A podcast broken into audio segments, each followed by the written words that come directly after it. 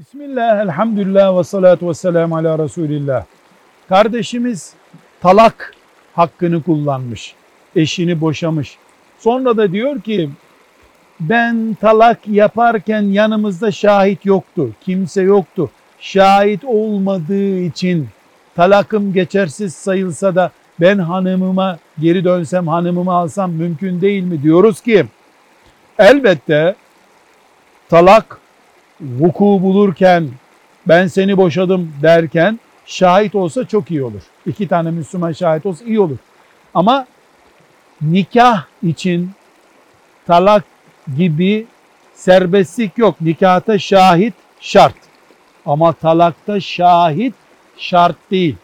Bütün cumhur ulemanın yani Hanefi mezhebi, Şafii, Maliki mezhebi yoğunluğu oluşturan ulemanın kanaatine göre talak nikah gibi değildir.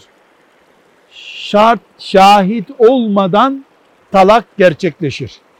Uygun olan şahidin yanında yapmaktır. O ayrı bir mesele. Velhamdülillahi Rabbil Alemin.